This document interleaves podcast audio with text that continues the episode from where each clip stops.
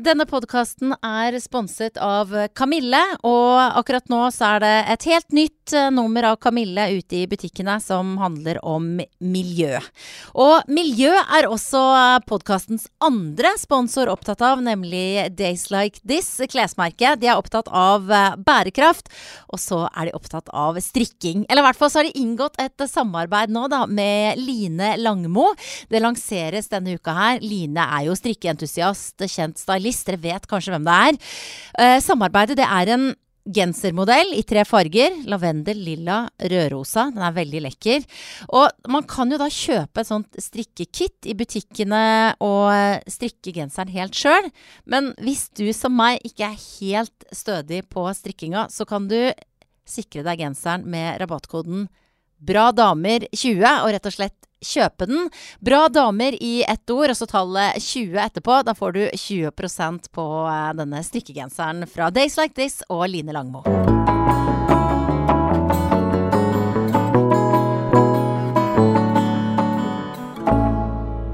Podkasten Bra damer har forlatt Eh, studio i Oslo. Tatt flyet oppover til ishavsbyen Nordens Paris, Nordens paradis, hva det nå er, Tromsø.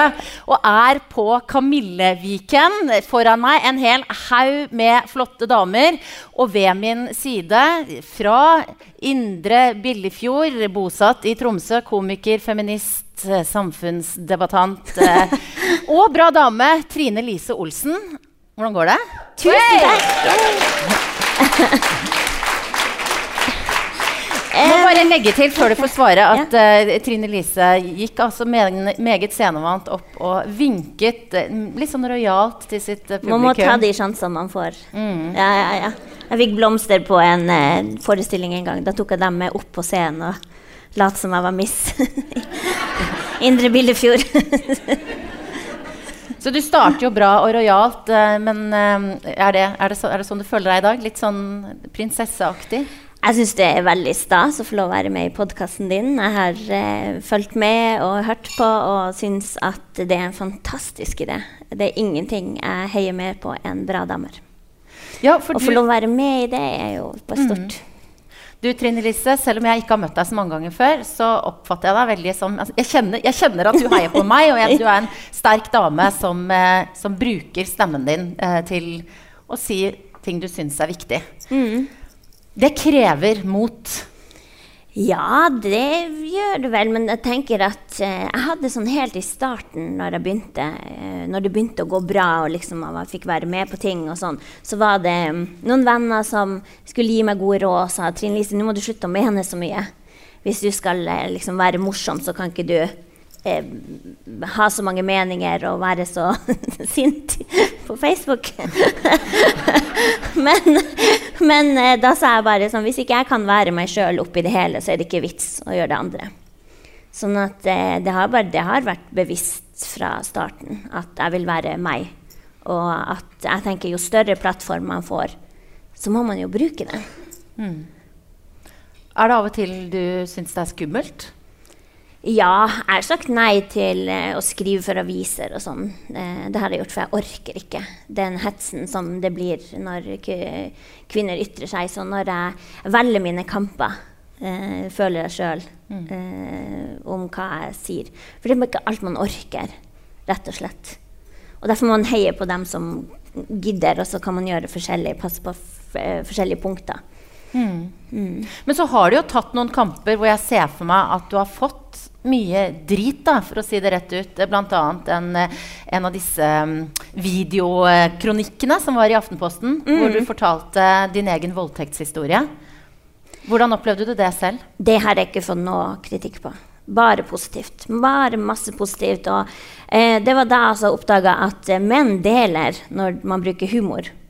Eh, og det var sånn her, for Jeg har jo postet og var masse om Veldig opptatt av eh, altså overgrep for barn og liksom vil at folk skal engasjere seg og, og liksom bry seg om det. Men, eh, og samme voldtekt, liksom, de rammene som det er, og lovverket og alt det der. Men eh, med en gang man brukte humor, så plutselig delte kompiser av meg også det. Og da ble jeg veldig sånn her Aha, det er clouen. Når vi ikke er som pekefinger mot dem, men sier hei, det her er et problem som vi må se på, og vi kan bruke humor rundt det. Føler du at, uh, at noen kunne lære av det i den offentlige debatten? Jeg tenker at eh, noe skal være alvorlig også. Sånn at eh, jeg tror vi bare får lære av hverandre, alle sammen. Vi blir jo aldri utlært. Hvem er det du har lært mest av? Å, herr Opera.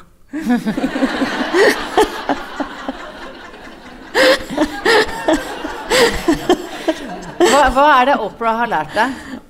Men bare det å jobbe seg opp fra ingenting og være sterk og tydelig stemme i Og så gjør hun jo så mye godt. Herregud, hun har gjort så mye bra. Det er nå jeg skal si hvis alle ser under stolene sine, så er det Men det er ingen som får noe bil i dag, dessverre. Nei, og her er Opera. Ja. Hvordan hadde det vært for deg å møte et så stort Jeg forbilde? Jeg hadde blitt helt amerikansk nerd og grått. Ja, ja. Jeg hadde klikka. Det er samme sånn her, sånn her bare, Hver uke tenker jeg hva kan jeg gjøre som gjør at nettet vil eksplodere, og Ellen inviterer meg. Men da hadde jeg vært I can't, believe I'm here! Jeg hadde vært helt Jeg hadde det. Jeg hadde ikke klart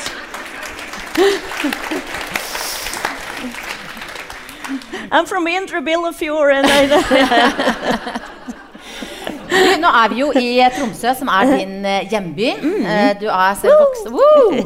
Og jeg vet at du sa, du sa liksom, når du kom her i dag, og så kjekt at det kommer folk eh, nordover og får oppleve dette.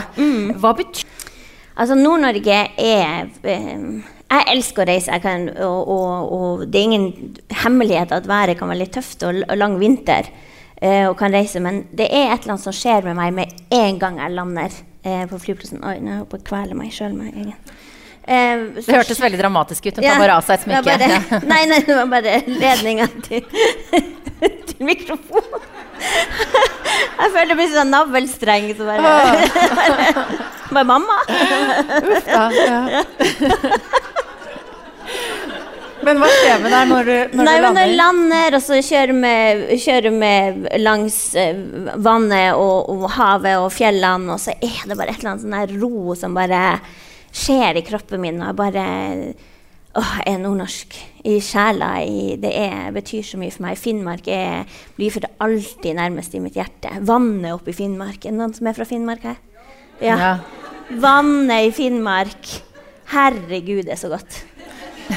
Når er, du, når er det du trenger å oppsøke den roa, eller å drikke det vannet fra Finnmark? Ehm, nei, eh, det får, jeg reiser ikke like mye hjem som jeg gjorde før. Eh, eh, men påska er litt hellig. Eh, sånn bokstavelig talt.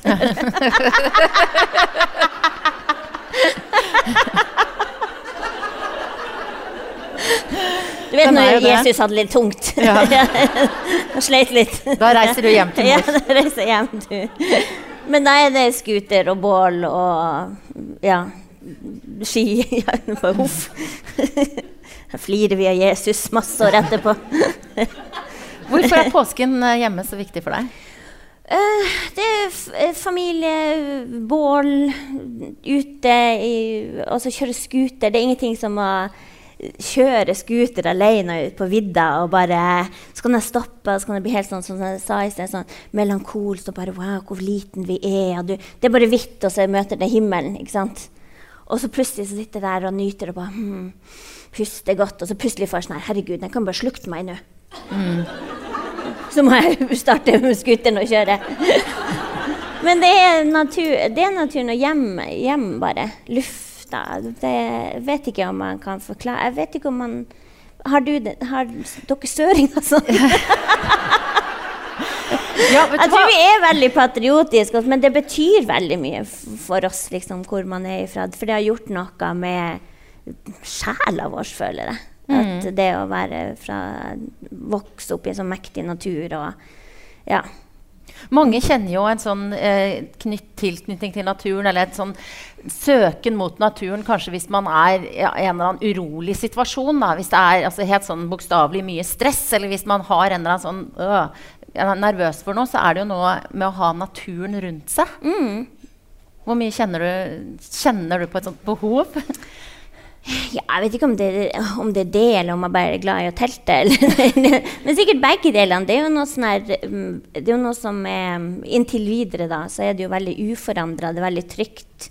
Det er veldig fint. Og så tror jeg at det å få kjenne på at vi er så små.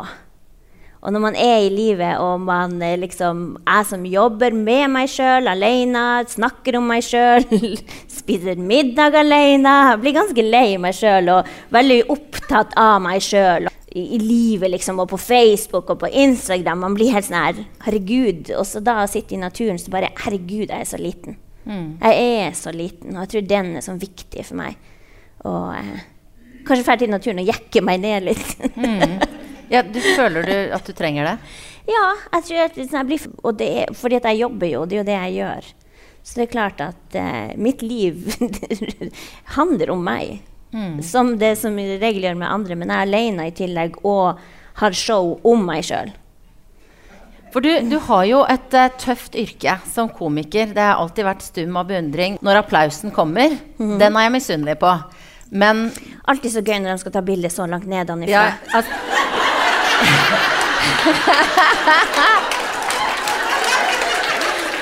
Fotografen foran scenen tar imot applaus. Nå har han tatt et bilde fra undervinkla. Det er egentlig, egentlig, i kontrakten vår at vi ikke skal bli tatt bilde av det henger, henger, fra taket, men der nede fra bare, bare. Men nå fikk jeg til og med Nå fikk jo fotografen og Jeg liksom fikk jo også kjenne på den deilige følelsen det er med rungende latter fra en sal. Ja, ja, ja. Og den, den, får jo du av og til, ikke sant? men så er det jo også det her ikke sant? når du står på en, en pub i Indre Gvarv med Det må være altså så sjukt hardt arbeid. Hvor henter du kraften til å gjennomføre det? Jeg vet ikke, jeg tror det, var liksom bare, det er noe som jeg må gjøre. Jeg hadde en sånn her uh, halleluja-moment jeg var på jeg var konferansier. Dette var før jeg hadde starta. Før den norske humoren. Uh, og uh, konferansier der. Jeg meldte meg på sånn en um, kurs. Uh, og så var jeg der, så fikk jeg være ledig i en, en forestilling. Og da var det 4000 mennesker som flirte av meg. Da bare sånn OK, jeg er makt. Ja. Det er sånn at det her må jeg gjøre. Det, det er bare sånn følelse. Jeg, jeg kan ikke beskrive Jeg er mer enn jeg er noen andre plasser. Mm. Mm. Det er ganske, egentlig ganske sterkt sagt, for da, altså, du får en slags sånn tøffhet ved deg mm. når du står på scenen. Men det er ikke bare meg. Jeg er hun som skal si noe, skal flire, og folk skal ha det gøy det å flire er så utrolig viktig. Eh, og det er jo det som er forskjell fra når man starta, at man for på plasser hvor folk ikke visste hvem du var. Nå har jeg jo egne show. Jeg tar heller og ordner sjøl, sånn at jeg vet at de som kommer, kommer for å se meg. Mm. Og det er, jo, det er, jo, luksus. Det er jo fantastisk. Og så bare vite at de koser seg, og jeg koser meg. og så... Mm. Mm. Du, du, nevnte Den norske humoren, som altså var et TV-program hvor du vant. Og da vant du å lage ditt eget TV-program. ja. eh, og det var jo sånn som vi ble kjent med deg, og siden så har du gjort veldig mye forskjellig. Mm. Eh, hva føler du er den største forskjellen på deg før og etter hele det løpet der? Um, nei, jeg tror det bare sånn, det er noe å forholde på, med, forholde på med det man absolutt har mest lyst til å gjøre. Det gjør jo noe med en. Eh, jeg føler meg ekstremt heldig. Eh, selvfølgelig er det slitsomt, og, og, det er ikke alltid Å underholde når man har kjærlighetssorg, er helt jævlig. Mm. eh, men, men eh, det er liksom Jeg tror det forandrer det å bare kan være meg sjøl i større grad. Eh, Istedenfor å gå og ønske om ting, så gjør jeg dem. Mm. Og jeg sitter ikke og venter på at noen skal gi meg noe. Jeg gjør det sjøl. Mm. Mm. En god følelse? Det er en deilig følelse. Og det er jo gjerne noe som en utvikling man eh, går gjennom etter hvert som man blir mer voksen. Og jeg oppfatter deg jo også som Selv om jeg nå sikkert ser litt av sceneversjonen, selv om mm. du ikke har standup nå, så er du jo på scenen. Mm. Opplever deg som trygg. Og som vi snakka om, du er tøff i samfunnsdebatten og åpen. Og du har også vært veldig åpen om oppveksten din, mm. som eh, har gjort deg til den du er. Mm. Du har sagt mange ganger, eller jeg har hørt deg si at du på en måte kan snakke som et barn med voksenstemme. Mm. Forklar hva du mener med det. Eh, fordi at eh, når man er små, så har man ikke ordet at Man har ikke ordene sjøl. Man har ikke språket nok til å forklare hvordan det føltes.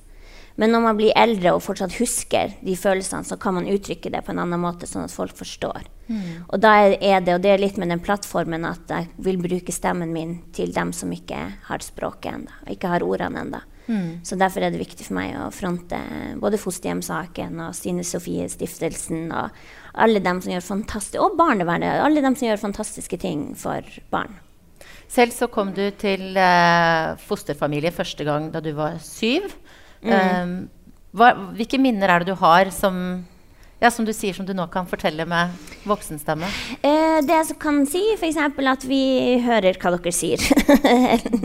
nå sier jeg dere, men uh, unger hører. For voksne har en tendens til å snakke over unger. Mm. Mens de er bare 30-50 cm under deg. Det er sånn, jeg bruker å sammenligne det med som har dere på filmer. Når de liksom bare er på sykehuset, så sier legen til pasienten nei da, det her går kjempebra. Så lukker han gardina, og så bare 'Hun kommer til å dø!' Så liksom, det er bare en gardin imellom. Mm. Så sånne ting. Og som fosterbarn så er vi alltid utrygge. Vi er redd, vi er usikre for å bli sendt videre. Det er en frykt som vi lever med. Uansett nesten hvor trygg man blir, så har man den i seg. Og, å, og vi blir, blir kjempegode på kroppsspråk. Så vær ærlig. Mm. Mm. Så da du var liten og ting ikke var helt OK hjemme?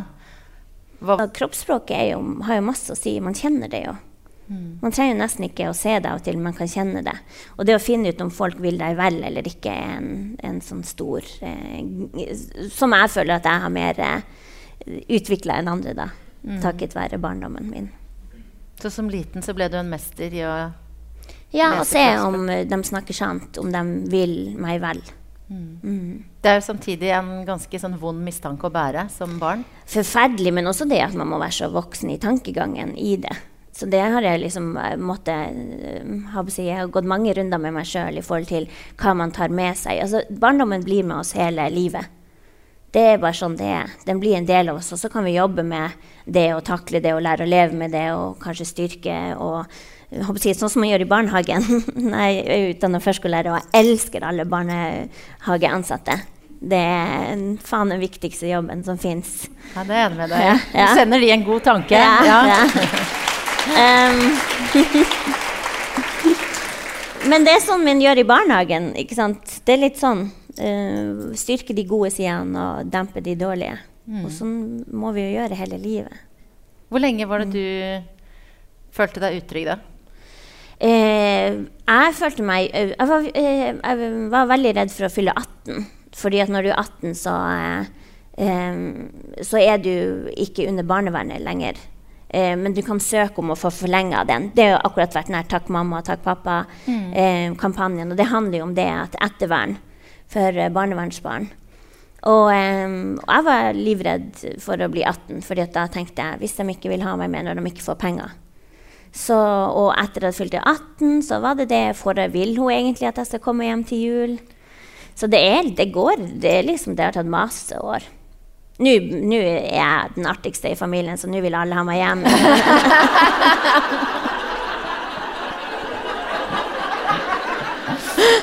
så nå er ikke jeg i tvil lenger.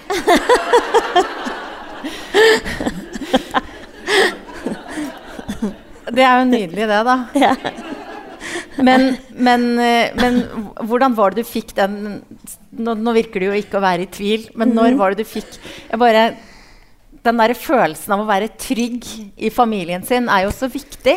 Husker du liksom Var det et øyeblikk hvor du skjønte at Å ja, men jeg hører jo hjemme her. Ja, jeg har jo fortalt om den mange ganger. Og det var en sånn svær scene, så er det. For jeg lever jo i en film eh, hele tida, føles det. Eller jeg har lyst til det. og jeg husker det som en sånn svær scene. Jeg kom inn, jeg var elleve år, og da hadde jeg bodd der i eh, to år. Og ikke slått meg til ro og var, gjorde alt jeg kunne for å presse og, og stresse henne, og så skulle hun sende meg videre. Men så ga hun jo aldri opp, den kjerringa. Men da fant jeg henne gråtende på sin egen seng. Eh, og så, eh, så, stilte jeg meg opp i hva du griner for. Beintøff. Eh, og så sier hun at 'jeg vet ikke hva jeg skal gjøre med deg'. Eh, 'Jeg vet ikke hva jeg skal gjøre med deg'. Og så sier jeg 'men bare send meg videre, så slipper du det her'. Slipper jeg det. Vi vet jo det kommer til å skje uansett til slutt. Og da reiser hun seg opp, og så tar hun tak i armene mine og så ser hun meg dypt inn i øynene. Sånn, 'Du skal ikke være fære noen plass. Du tilhører her. Du skal være hos oss til du blir 18.' Og etter du er 18, så bestemmer du sjøl om du vil være her, men er det opp til meg, skal jeg bli bestemor til dine barn. Mm. Og da hadde vi bare en sånn moment hvor det, da var det alt med henne som sa at det her mener hun. Mm. Mm. Da, men jeg kunne ikke gi meg helt ennå. så jeg spurte om jeg fikk gå på rommet, og så gråt jeg der. Mm. Men da var det sånn, bare sånn lykketårer. Jeg var sånn bare, Herregud, jeg har funnet en mamma. Jeg har funnet en som vil ha meg. Og det der litt tøffe skallet som du nå beskrev, eh, mm. hva skjedde med det da? Eh, nei, altså det, Jeg tror jeg fortsatt har det tøffe skallet på noe sett, men eh, jeg, er skorpion er veldig opptatt av det. Vi ser skumle ut, men vi er ikke så skumle. Det er bare halen som er skummel hvis, vi blir, hvis noen er fæl mot oss. Så du er, eh, du er opptatt av stjernetegn? Mm. Ja, nettopp. Ja. Alltid vært det? Jeg tror bare i søken av å finne ut hvorfor jeg er sånn som jeg er, liksom, så har jeg liksom måttet ty til eh, For jeg gikk ikke til psykolog da jeg vokste opp, som jeg burde, burde absolutt uh, gått. Uh, men, uh, men så har man liksom bare har brukt Opera, Dr. Phil av meg sjøl, og Det høres litt eklere ut enn det var, men og, så, liksom lese om liksom, hvem kan jeg være i, oppi alt det her, liksom. For å finne ut av meg. Finne ut av meg. Og, og, i søken på hvem du er, så har du funnet liksom, noen svar i uh, dette skalldyret, uh, skorpionen? Ja, jeg syns det beskriver meg godt. Mm. Jeg kan være litt skummel, kanskje litt krass, men jeg er bare et bløtdyr i midten. Mm. Hvem er det som er eh, Hvem, hvem er de som får, får se bløtdyret? Sånn? Nei, Well, honey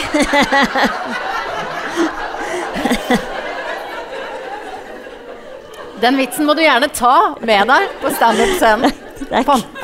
Ja. Men hvem, ja.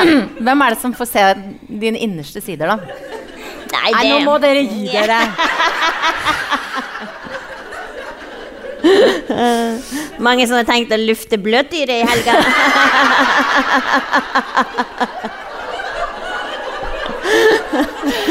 Å, nå er jeg helt svett! det, er sånn, det som skjer i Kamilleviken, det, det blir i Kamilleviken. ja. Nei, det er en håndfull av venner. Um, jeg hadde et ganske kjipt år i 2017. Med, jeg fikk nye nyheter om barndom som har vært ganske tøft og heavy. Og for første gang så hadde jeg fast psykolog. Og det er sånn utrolig hvordan verden fungerer noen gang. Jeg kaller det universet, men tre dager psykolog. Oi. Så jeg tror liksom bare timing av og til er bare Ja, du skal, du skal gå litt ned i grunnen, og så skal vi hjelpe deg opp igjen. Sånn føles det av og til. Mm. Og eh, etter det året så har jeg virkelig fått sjekka ut hvem som er mine aller beste venner. Mm. Eh, og det er når man sjøl ikke er på topp. Og dem, dem, som var der da, er mine nærmeste. Mm. mm. Du, du, nevnte i stad at det å holde standup når du har kjærlighetssorg, ja. det er fælt. det er helt ja. jævlig. Ja. Hva gjør du da for å mobilisere? Um, jeg elsker jo å være nede når jeg synd, synd i meg sjøl. Eh, det, det har jeg lov til. Så jeg har lov å spise cheese doodles. Så. så jeg lov å se på serie hele natta, for det er så synd i meg. Ja, sånne ting. Um, så um, men, men, du sitter jo Altså, kjærlighetssorg, det er jo sånn annet Den er jo så uthulende. Skjønner du hva jeg mener? Det, liksom, det blir sånn tomt. Og så da sitter du hjemme og gråter, og så skal du fære og underholde, og folk ler av deg, og du bare og så bare Så jeg gråt på vei til eh, et julebord. Gråt på vei til. Eh, for og underholdt, og så gråt jeg på vei hjem igjen. Men underveis der så klarte du å holde deg? Ja, ja. Ja, For det er kort vei mellom latter og gråt. Ja, ja. Kan det bare bikke over. Men jeg, hadde på, jeg har rett spilt forestillinga som jeg hadde om barndommen. Eh, den spilte jeg i Båtsfjord, der hvor jeg er født. Og broren min, som jeg snakker om, i, i um, forestillinga mi. Uh, han lå begravd sånn her 200 meter oppi opp, oppafor uh, liksom, scenen, da. Mm. Og da hadde jeg, sånn, da hadde jeg en sånn avtale med meg sjøl. Jeg kunne gråte helt til jeg tar på foundation. Og da gjorde jeg det. Mm. Så tok jeg på foundation, så var jeg på jobb. Jobba, og så når jeg var ferdig, så sto inn- innsmejenten bak sånn her og tok imot meg. Men den forestillingen Mm. som fikk veldig gode kritikker, um, den spilte du jo noen ganger. Ja. I er- fire år. Ja. ja. Det er et eh, heftig kjør. Altså å være på randen av gråt i fire år. ja. Så derfor det neste stykket skal være mye artigere. Er det noe du jobber med nå? ja. Mm. Så jeg skal ha premiere i juni 2019, og Anne-Kat. Hærland har regi. Hva, hva, du, hva skriver du om nå? Oh. Ja, nå. To kanondamer i samarbeid. Ja, hun er helt fantastisk. Kan du fortelle litt om hva, hva du skriver på nå? Hva det vi kan vente Ja, oss? eh, den heter Den lille stemmen. Mm. Eh, som er litt sånn Jeg har alltid blitt mobba for stemmen min. For at den er sånn Og så Den er eh, veldig fin. Ja, jeg liker den godt. ja. Og så, eh, men også det at en liten stemme kan bli stor hvis du har plattform. Hvis du har liksom hvordan du vil bruke den opp til deg sjøl. Eh, men også det den lille stemmen som er i hodet. Som alltid, i hvert fall i mitt tilfelle, er sjelden hyggelig. Mm. Etter tre glass Prosecco så er hun veldig hyggelig. Ja. Ja.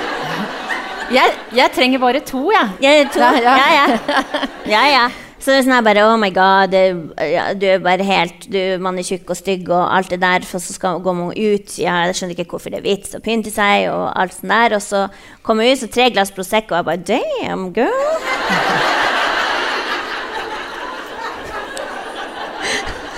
Hvis man alltid kunne vært liksom, på tre glass Prosecco, så hadde livet vært fantastisk. Man kunne ikke kjørt bil, da, men Men du, du har jo da også en ting Jeg skal ikke kimse av Prosecco, men en ting er jo den jobben du har. Eh, jeg tenker Når man har den lille eh, stemmen i hodet, eller altså, når man har en jobb hvor man får den ytre bekreftelsen som du gjør eh, Man kan jo nesten bli litt avhengig av den også. Hva tenker du på? Nei, Ah, altså den tilbakemeldingen og bekreftelsen Ja, på at ja, du er morsom. Mm. Hvor, eh, hvor bekymret har du vært for at du, liksom blir, at du skal bli liksom avhengig av latterkicket, f.eks.? Det tror jeg er allerede.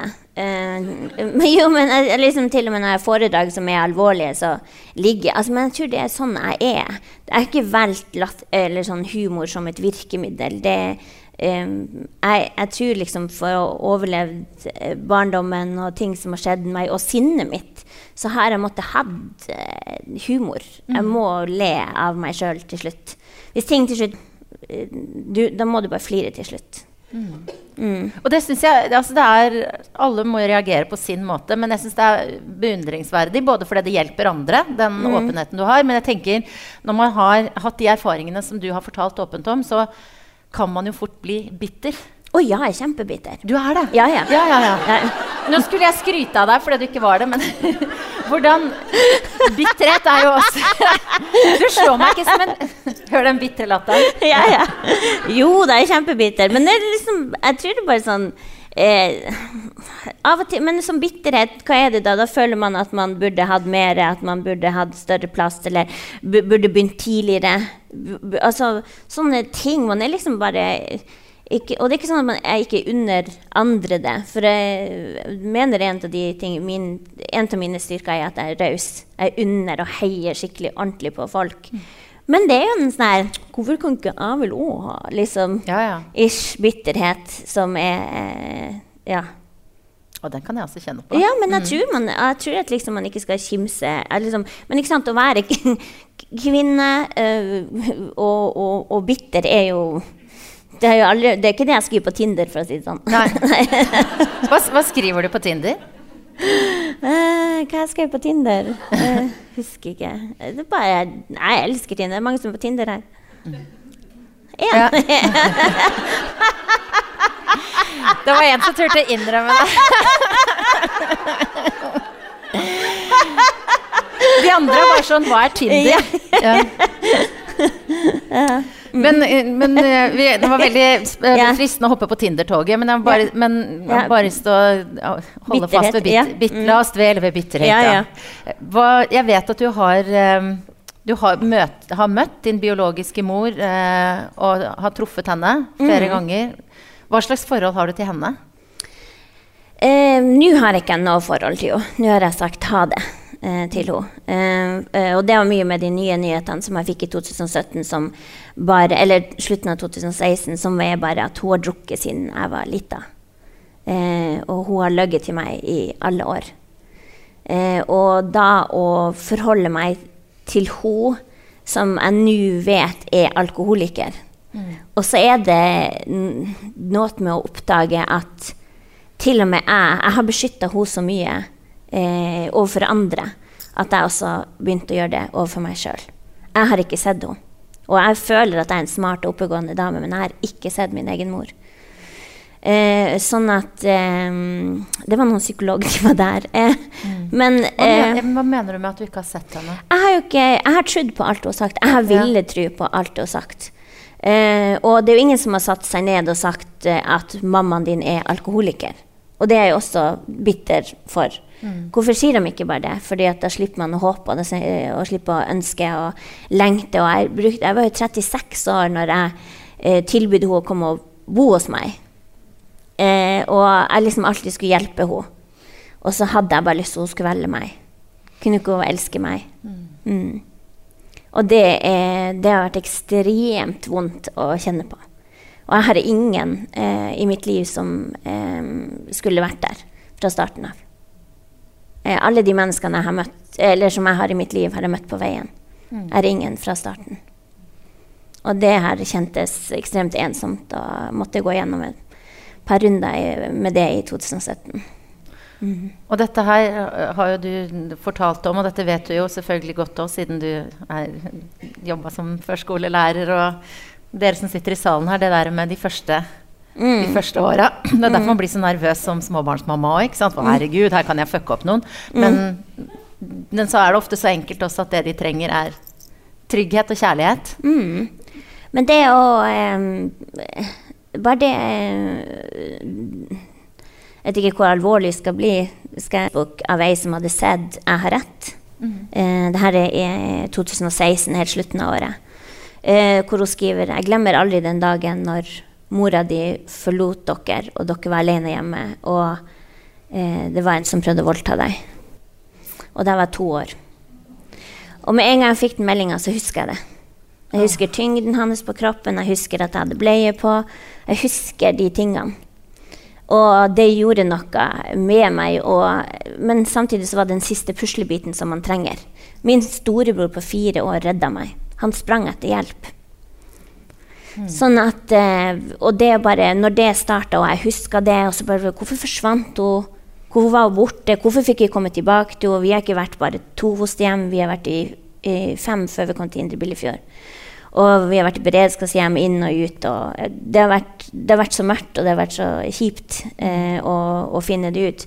Så når jeg fikk den siste puslebiten og kunne se min biologiske mor med nye åpne øyne, voksne øyne, så bestilte jeg meg tur til henne i Sverige, og så for jeg og sa ha det til henne. Mm. Mm. Da har jeg ikke sett henne på åtte år. Og hvordan føltes det da etter at du hadde sagt det siste farvelet? Sånn jeg oppfatter deg, eller? Ja. Øh, nei, det bare Det føltes liksom liksom fælt å si, men godt på en måte. Nå, jeg venter ikke. Jeg, jeg har liksom masse år venta på en telefon at noen skal ringe og si at hun er død. Og så skal jeg, å, skal jeg leve med den samvittigheten at ikke jeg gjorde noe, og, liksom, eller ikke jeg gjorde nok. Eh, sånn at det var så viktig for meg å ta kontroll over den situasjonen sjøl og skjønne at hun vil ikke ha eh, kontakt med oss. Hun har jo prøvd å rømme. Jeg følte meg liksom en sånn sliten kjæreste som bare Hei, jeg er jo ikke i forhold ennå. Fordi at det var For det, hun har liksom prøvd, og hun har jo rømt. Jeg har jo måttet finne henne hele tida. Mm. Og en gang så fant jeg henne i fengsel, altså, og jeg har ikke visst om ting med henne. Hun har vært liksom Men jeg har liksom bare Å, elsk meg. Mm. Velg meg. Når de ikke gjør det, så er det fryktelig vondt. Mm. -hmm. Hvordan er det for deg å Igjen, du er så åpen og sterk når du snakker om dette. Men jeg ser jo på deg at det koster yeah. deg litt. Ja. Jo, men jeg ikke, bryr meg ikke om å gråte. Det, det, går fint, så lenge det ikke blir ugly cry. så kommer han der fotografen.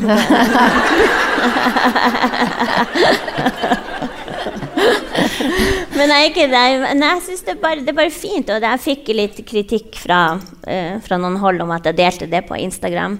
Mm. Men så sier jeg det er min måte å takle det på, fordi jeg var alene der, og det føles mindre alene å dele ting. Og mm. man får så mye tilbakemeldinger av folk som også trenger det. Trenger å høre at man bare snakker om det. Og alkoholisme er jo en sånn, det er så tabu og så skambelagt sykdom fordi at det føles hele tida at de, de velger det sjøl. Mm. For de har ikke styrke eller verdighet nok sjøl til å klare å stoppe det. Så det føles ut som at det er et valg. Og derfor er det så skambelagt mm. å snakke om det. Ja, det er veldig bra at du gjør det. Mm. Tusen takk for det. Ja.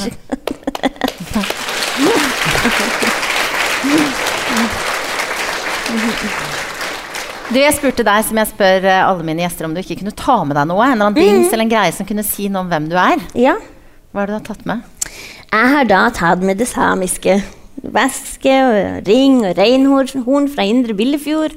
Ove Stødle sine øredobber. Se der, ja. Så du ja. har altså, til og med det er liksom flere symboler nærmest på ja, representere det samiske. ja. Mm. For jeg fikk vite så seint at liksom, Jeg visste at vi hadde samiske aner, men jeg hadde en bestefar som var eh, rasistisk. Enkelt og greit. uh, og, uh, og uh, han sa en gang bare 'Faen, du har bodd der oppe så lenge, du ser ut som en finn unge'. Den største samen av oss alle. Oh, ja. Men det er ikke sant, det er fornorskninga. Ja. Så han skjemtes og ville ikke ha noe med det å gjøre. Så det er jo bare trist. Mm. Men, men når jeg da oppdaga det, så er det bare en sånn fin kultur Eh, som jeg er Jeg bare kjenner meg mer og mer samisk hvert år som går. Kanskje fordi jeg kjøper mer og mer ting, men Men jeg leser om det, og, og liksom jeg har nydelige samiske venner og, som lærer meg hele tida om kulturen. Og jeg er bare så ekstremt stolt av det. Og jeg, det har ei Ragnhild Dalheim sa det så fint, liksom. Vi som ikke del, fikk ta del i skammen som var da. Vi må være stolte nå. Mm. Og det syns jeg er så fint, og det er så viktig. Og så må det jo være et eller annet med sånn hvis du hele tiden har jakta på hvem du er, da, mm. og dette med skorpionen som man yeah. har utenpå og sånn. Er det, hva er det ved den samiske kulturen som på en måte, Hvor finner du identiteten din der? Jeg tror det er sikkert naturen også. Eh, ja, naturen, men også styrken eh, styrken som man kjenner at man alltid står litt i motvind. Eh, at eh, Jeg føler litt sånn som med kvinners rettigheter, homofile rettigheter, samiske rettigheter. Vi kan få litt, men folk er sånn redd man skal ta over verden hele tida. Ja. Det er som bare herre, ja, Nå vil alle sammen at det skal bli samisk i hele Norge, liksom. Ja. Fordi at de har lyst på et samisk hus i Tromsø, f.eks. Kvinner har lyst til å bestemme over, egen kropp. 'Å ja, dere trenger ikke menn mer.' Mm. Uh, ja, og homofile retter. Hva er det neste? Skal vi ligge med dyr nå? Ja, ja. Altså, det, det, For meg blir det helt sånn en eh, Det er plass til oss. Mm. Uh, det fins samer, det fins homofile. Og, selvfølgelig skal vi ha like retter uansett hvordan kjønn man er. Mm. For meg synes jeg, jeg synes Det er interessant å bli presentert som feminist, for jeg tar det som en selvfølge. Ja. Og alle damer er feminister nå, uansett om de vil. Det var en skuespillerinne jeg husker ikke hvem sa går tilbake 50 år i tida, så skal vi se hvem som ikke er feminist. Og det er liksom sånn, det, Feminist er ikke noe man er, det er noe man tror på. Altså, ja. Hvorfor har folk blitt så redd for det ordet, tror du? Jeg tror vi er skumle når vi slår oss sammen. Mm.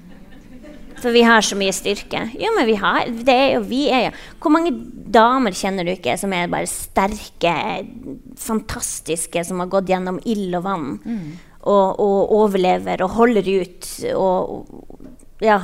Herregud, du har sett på den her um, Hvem tror du at du er? Der hører man jo om det går generasjoner tilbake med, med damer som har bare fostra opp eh, barn på mel og vann. Og liksom holdt ut hvis mannen har forlatt eller han tar selvmord, som var den største skammen liksom på den tida. Så har de bare stått i det. Mm. Og det er jo den her Selvfølgelig, selv om ikke jeg skal bruke den eh, Hva heter det igjen? Livmora, liksom. Det er jo, det sier jo seg sjøl, liksom. Ja, men altså, Denne urkraften har jo du, du trengt i stor grad, for at du har jo beveget deg inn på et område som er veldig kompisklubb, mannsdominert, mm. standup og humormiljø generelt. Mm. Hvordan, altså, hvordan har du opplevd å være ja, Etter hvert så er det jo flere kvinner, men å være en av få damer der? Eh, jeg har slitt litt med det. Men så fant jeg jo eh, noen som jeg liksom kunne være med i starten, som gjorde det lettere. Mm. Um, men så etter hvert så plattformen min ble større, og så har jeg heller damekvelder, altså. Ja. ja. Blir det for trangt med gutta? Åh, men det var kjedelig å sitte alene backstage hele tida. Og så er det noe med gutteklubben, og så er det noe med at de tror ikke alltid at de kan hjelpe deg med tekst. For vi snakker jo bare om mensen. Eh, så det er liksom en kamerateriet som man ikke Altså, det er masse fantastiske eh, menn i bransjen, men som regel så er man alene backstage, og jeg er så lei det. Jeg orker ikke å høre om den kuken deres mer, altså.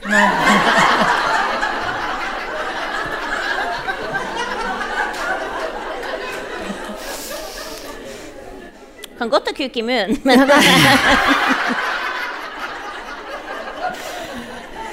Jeg gidder ikke å prate om den.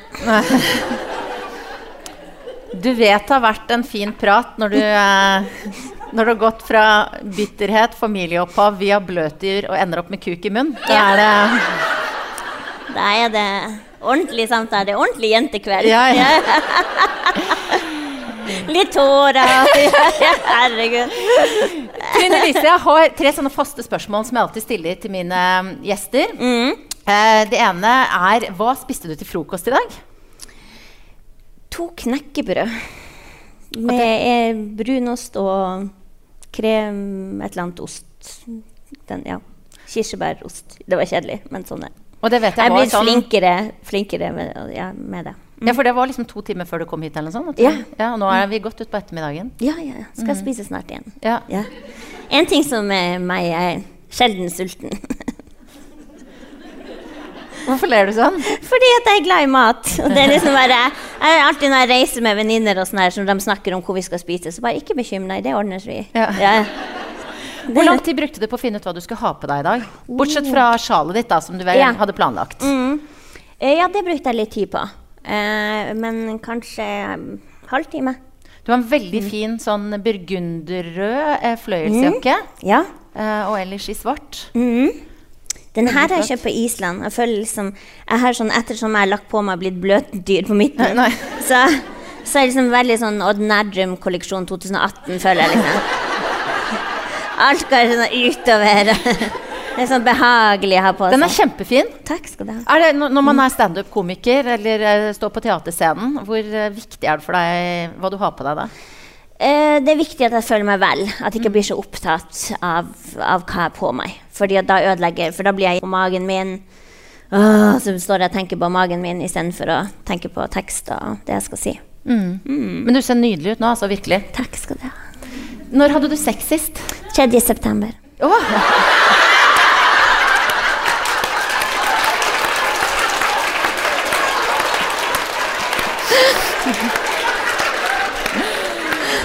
Er det noe jeg elsker, så er det når gjestene kommer forberedt. Vi, da hadde vi da allerede avtalt at du skulle være gjest her. Så du, ja. Derfor måtte jeg ligge. Ja. det hadde noe å si.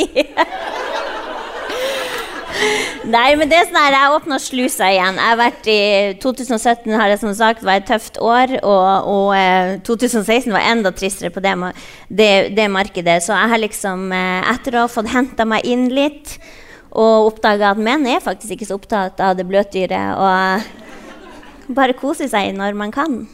Så jeg har blitt eh, åpna slusa igjen, ja. Ah. Det er jeg så glad for å høre. Jeg er også så glad for det. Men det er noe Men det gjør noe med oss. Altså, hele 2016 så hadde jeg ingenting. Mm. Eh, og da for jeg på uh, Da for jeg til Thailand. Eh, da hadde jeg liksom akkurat fått de nyhetene. jeg hadde det ganske kjipt, men så var jeg i Thailand alene. Så skal jeg kose meg og bare dra på massasje, i hvert fall, for det unner jeg meg. ikke sant? Alt som sånn jeg unner meg når man har det trist og kjipt. Og da går jeg inn til førsteplassen og sier bare sånn No, we don't massage pregnant. Jeg bare it's, it's just beer. Men så bestilte jeg meg sånn luksus, nei, superluksus, der hvor ingen kommer til å si noe om deg fordi at du betaler så mye penger, så de holder kjeft. Og da var det sånn her rom uten vegger, fire stolper, steam, boblebad og så massasje. Selvfølgelig to der, så du skal føle deg helt jævlig når man ligger alene. Og så ligger du i det dumme hullet, sånn om du skal øyenbryne ut eller inne. ja, Og så da liksom begynner hun å massere. bare, å, det her er fortjent, og liksom Litt kroppskontakt det er fint. Men så kommer hun ned til hendene. Ja. Og hendene er ekstremt intimt når man ikke har blitt tatt på på et helt år. Og da begynte jeg å grine. Ned i det dumme hullet. Så måtte jeg flytte øyenbrynet ut igjen. Sånn. Så la jeg dryppa ned i sånn vannbad. og bare Følte Lillian var helt stressa der nede, kanskje. Men, eh, men eh, da er vi da bare Are you okay? Og så kunne jeg ikke svare noe, fordi at si, alt jeg hadde sagt, hadde blitt seksuelt. Ja. Så var jeg i Thailand, så jeg hadde litt fordommer og sånn. Så var jeg redd, redd for hva hun skulle tilby. Uh, kroppskontakt er viktig. Vi må ha hud. Vi må ha kuk i munnen. Vi må kose oss. Og med de ordene, Trine Lise Olsen, sier jeg tusen takk for en nydelig prat. Jeg ønsker deg alt godt. Takk skal du ha.